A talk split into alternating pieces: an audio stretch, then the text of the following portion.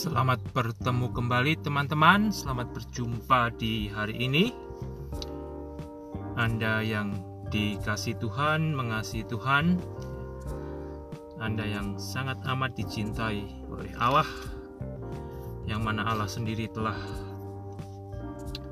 menyediakan jalan bagi Anda Agar Anda beroleh kesempatan untuk bersekutu dengan Allah di dalam anugerah yang Allah sudah berikan kepada manusia, yaitu melalui pendamaian dari darah anak domba yang sempurna, yaitu Yesus, domba yang dipersembahkan Allah untuk menebus dosa manusia.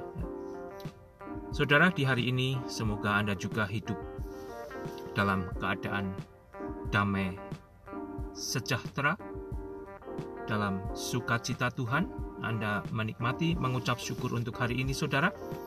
Apa yang Anda boleh nikmati, dan jangan lupa, terutama kalau Anda adalah orang-orang tebusan Allah di dalam Yesus Kristus, jangan lupa Anda mengundang Yesus untuk senantiasa berkuasa di hari ini dan hari-hari yang masih Tuhan akan berikan kepada saya dan Anda agar kita bukan hanya kuat tetapi berkemenangan hidup di dalam dunia yang penuh dengan kekacauan, penuh dengan ketidakpastian, penuh dengan dengan ketantangan, bahkan penuh dengan hal-hal yang menakutkan.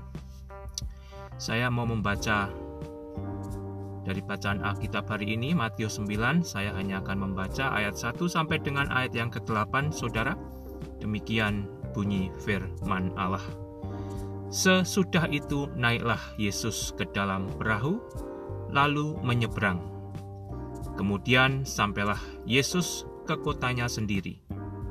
Maka dibawa oranglah kepada Yesus seorang lumpuh yang terbaring di tempat tidurnya jadi ada orang lumpuh ya. Orang lumpuh itu dibawa oleh entah keluarganya, entah temannya, entah tetangganya, tapi dibawa oleh orang lain ya.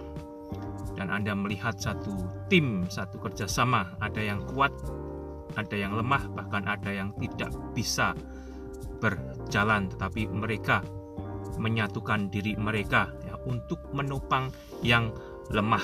Jadi, saudara, kalau Anda kuat, topanglah yang lemah. Kalau Anda lemah, berikan kesempatan bagi yang lain juga boleh menopang Anda untuk dibawa datang kepada Yesus.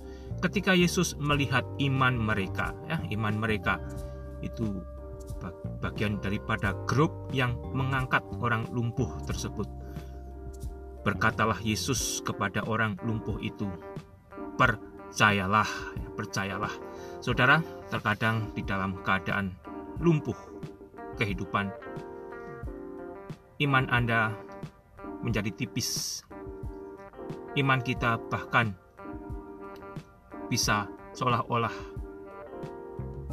tidak tahu ke mana. Ya. Dulunya waktu segalanya lancar, sukses, ya, penuh dengan ketawa, wah, imannya itu melembung sampai ke gunung. Tapi waktu ada kelumpuhan, imannya kempes, hilang.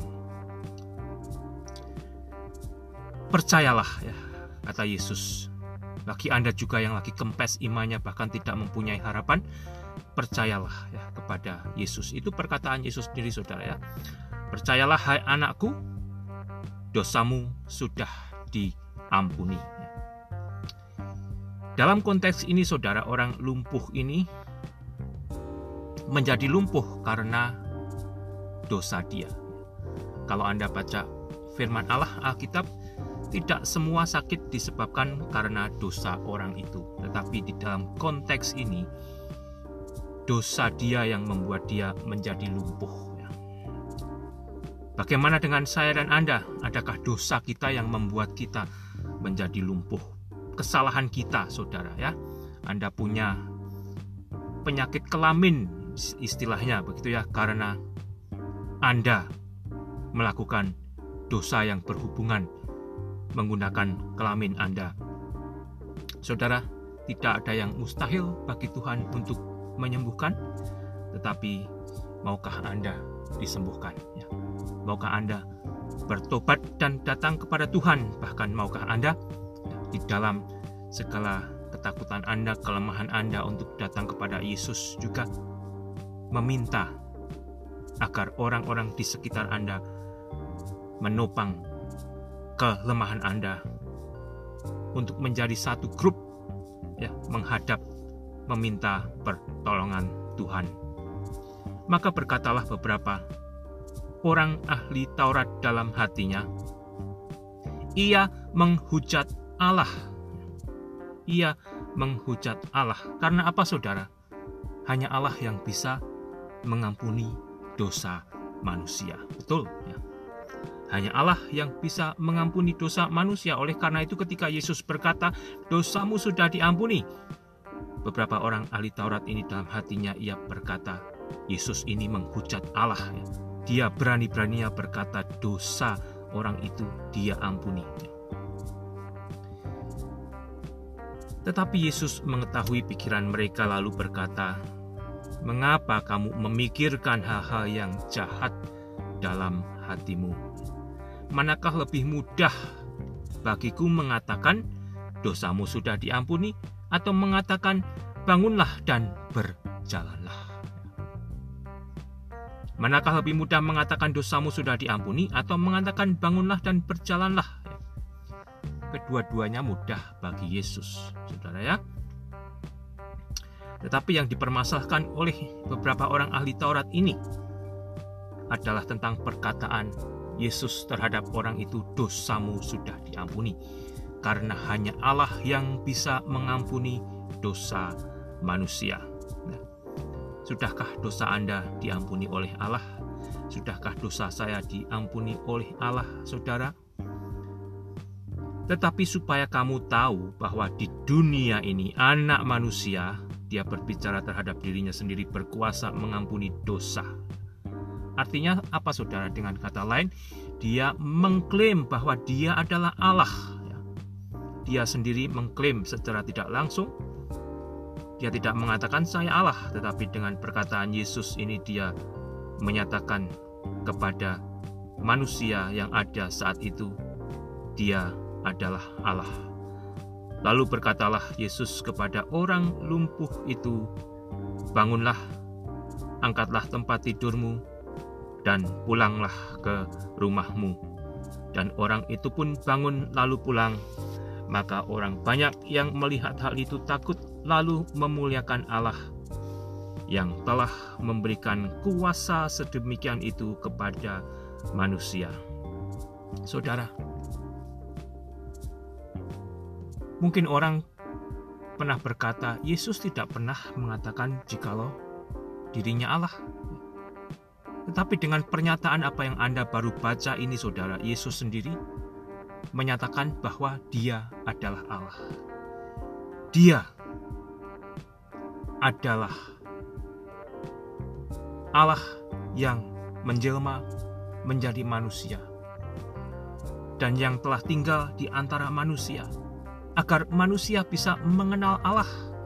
Manusia bisa bertemu dengan Allah, bahkan manusia bisa terampuni dosanya oleh Allah. Sudahkah Anda bertemu dengan Allah pengampun?